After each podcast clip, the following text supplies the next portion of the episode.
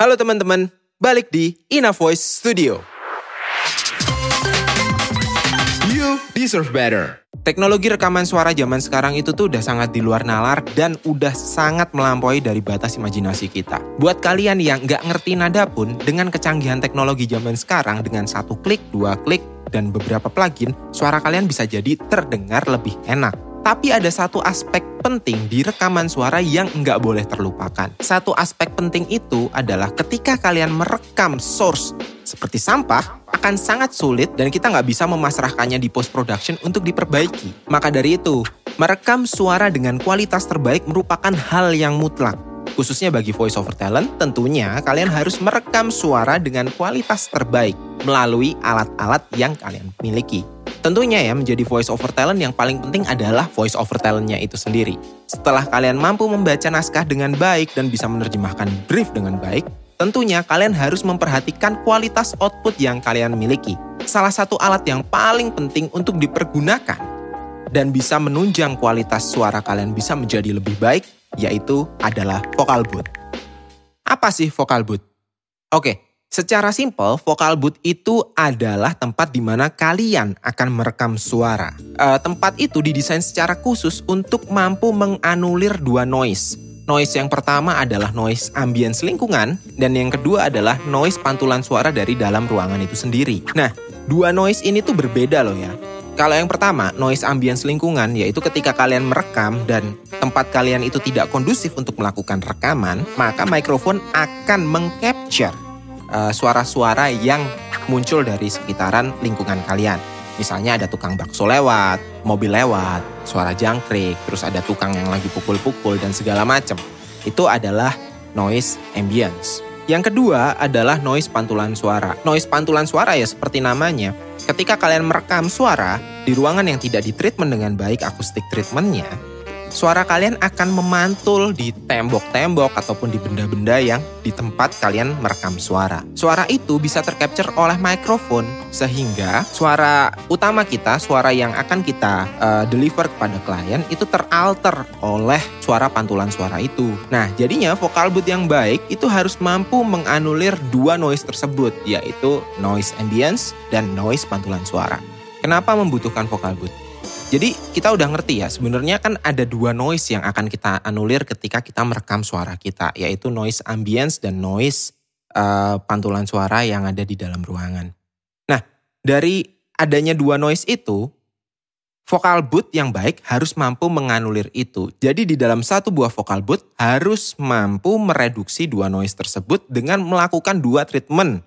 Treatment yang pertama adalah isolation dan treatment yang kedua adalah acoustic treatment. Apa itu isolation dan apa itu acoustic treatment? Isolation dan acoustic treatment itu treatment yang berbeda dalam sebuah ruangan perekaman suara. Kalau isolation itu fungsinya adalah untuk e, meredam suara baik dari luar untuk menuju ke dalam ataupun dari dalam untuk mampu terdengar sampai luar. Itulah isolation. Nah, bahan yang dipergunakan untuk melakukan isolation ini, ini adalah bahan dengan kerapatan yang cukup tinggi atau density yang cukup tinggi. Biasanya bahan-bahan tersebut itu ya bisa ditemukan dalam rock wool, glass wool, green wool, dan macam-macam.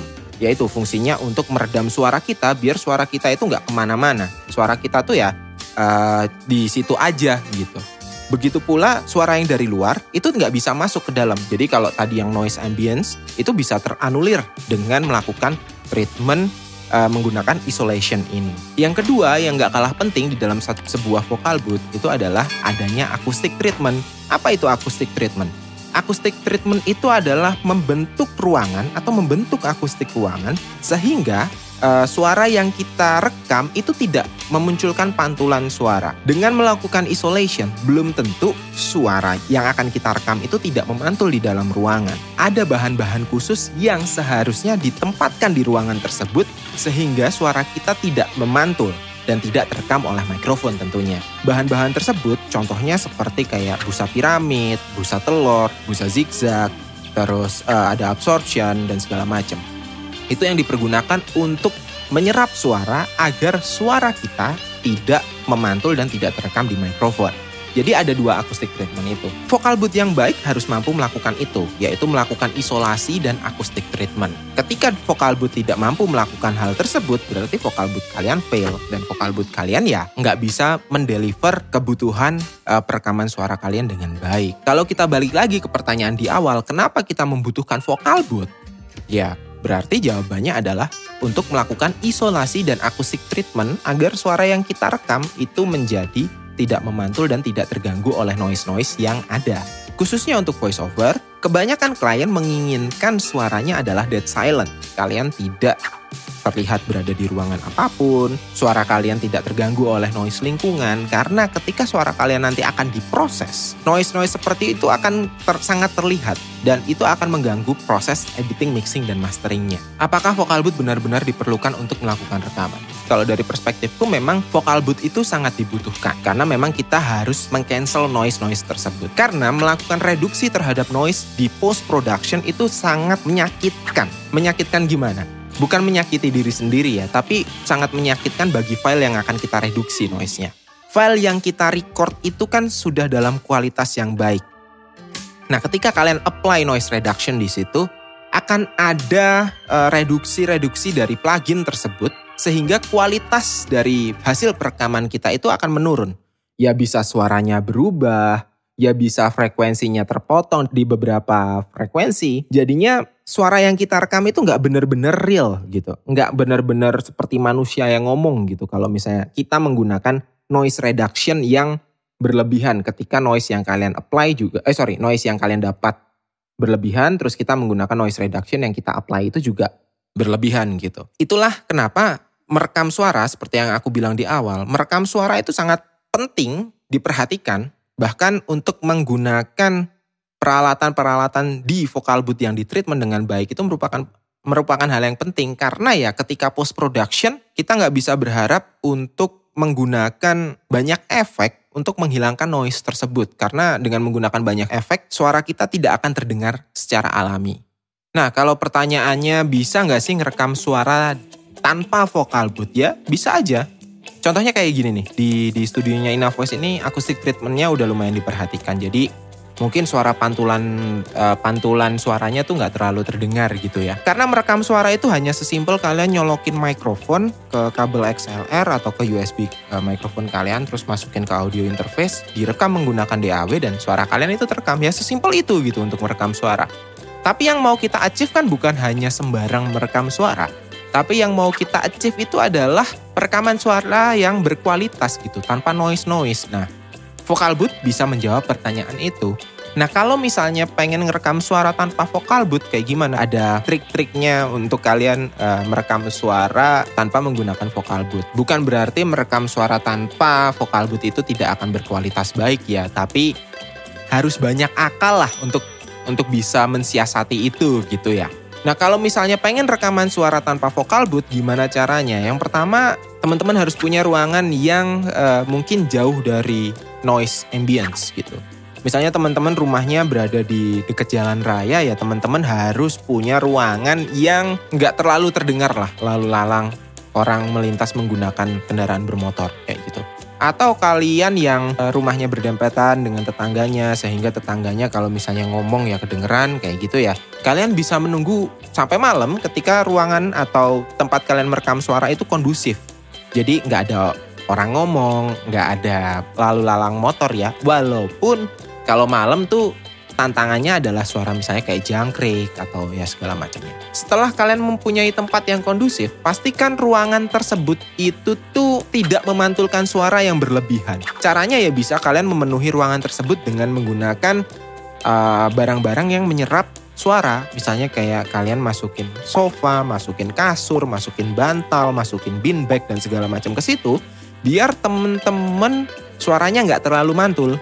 Ya, dengan memasukkan barang-barang yang dirasa bisa meredam atau menyerap suara, ya tentunya pantulan suara di dalam ruangan tersebut bisa lebih tereduksi kayak gitu. Nah, banyak voice over talent di luar negeri kayak gitu ya, karena memang lemari pakaiannya gede-gede ya kalau di sana ya. Jadi orang tuh bisa masuk ke lemarinya, terus ada ada banyak baju-bajunya kayak gitu. Nah, sebelum mereka punya vokal booth, mereka merekam suara di situ gitu. Itu upaya untuk biar suaranya tidak memantul, tidak tidak bergema dan bisa dead silent kalau bahasanya eh, bahasa engineer atau bahasa teman-teman voice over talent gitu tuh benar-benar dead silent, nggak nggak ada suara pantulan suaranya atau suara ambience noise-nya gitu nggak kedengeran. Itu yang bisa diupayakan kalau teman-teman belum mau untuk membuat vocal booth sendiri di rumah. Oh ya, ada satu lagi barang yang memang uh, sering miskonsepsi ya di sini Nah ini ini ini bukan vocal booth ya, ini reflection filter. Fungsinya adalah untuk melakukan uh, apa ya, untuk mengamankan mikrofon dari pantulan suara-pantulan suara atau source pantulan suara yang nggak direct gitu mikrofonnya. Ya jadi ini biasanya di placing di sini, sekitarannya mikrofon kayak gini gitu di placing di sini. Nah apakah ini bisa berfungsi seperti vocal booth ya? Tentunya enggak. Uh, karena ya Benda sekecil ini ini tidak mampu untuk melakukan isolasi ya. Benda sekecil ini hanya mampu uh, mereduksi sedikit pantulan suara. Jadi ya kalau misalnya teman-teman membeli reflection filter dengan harapan bisa mengcounter noise dari luar kayak gitu misalnya suara motor lewat dan segala macam ya nggak bisa.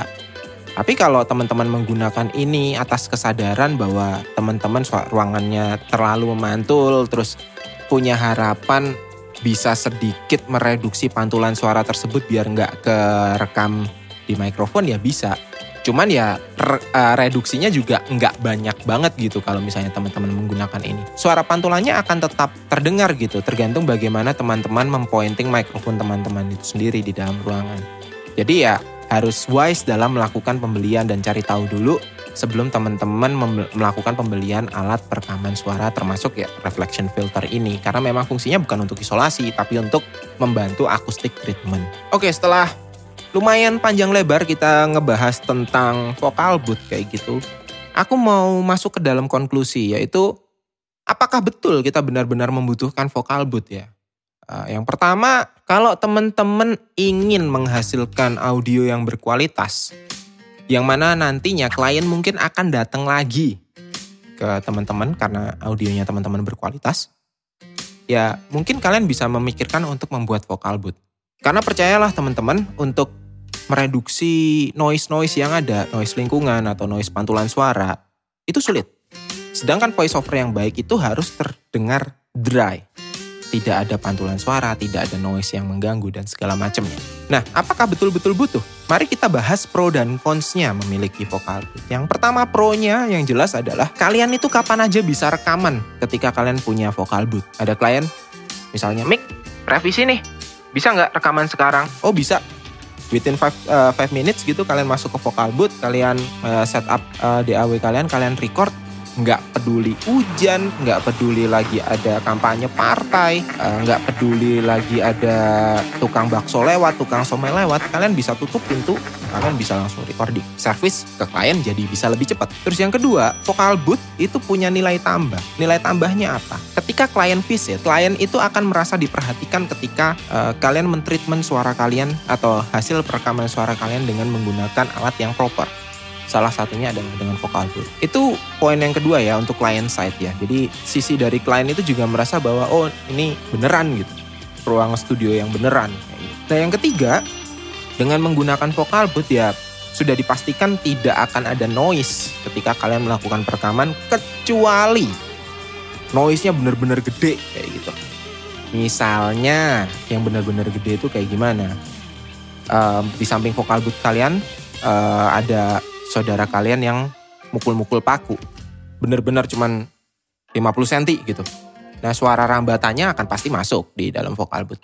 Tapi sejauh itu, kalau misalnya uh, jaraknya berjauhan dan segala macam, apalagi vokal booth itu di set di dalam sebuah ruangan, pastinya akan bisa mengcounter baik ambience noise ataupun uh, uh, dan di set dengan acoustic treatment yang baik tentunya akan bisa membuat uh, noise pantulan suara juga hilang.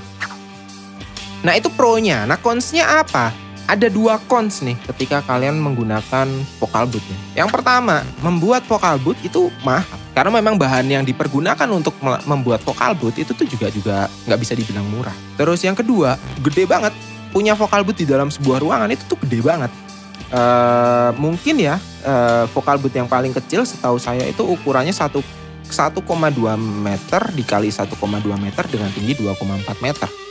Itu udah cukup makan space ya untuk di sebuah ruangan. Itu dari dua kons itu aja teman-teman akan bisa berpikir uh, sebaiknya aku menggunakan vokal booth kah untuk melakukan perekaman atau tidak perlu untuk menggunakan vokal booth. Dari dua kons itu. Monggo bisa dipertimbangkan antara pro dan consnya uh, kalian menggunakan vokal booth di dalam studio atau di ruang perekaman kalian. Nah, buat teman-teman yang mungkin penasaran ya dengan apa sih dari tadi ngomongin vokal booth dan segala macam.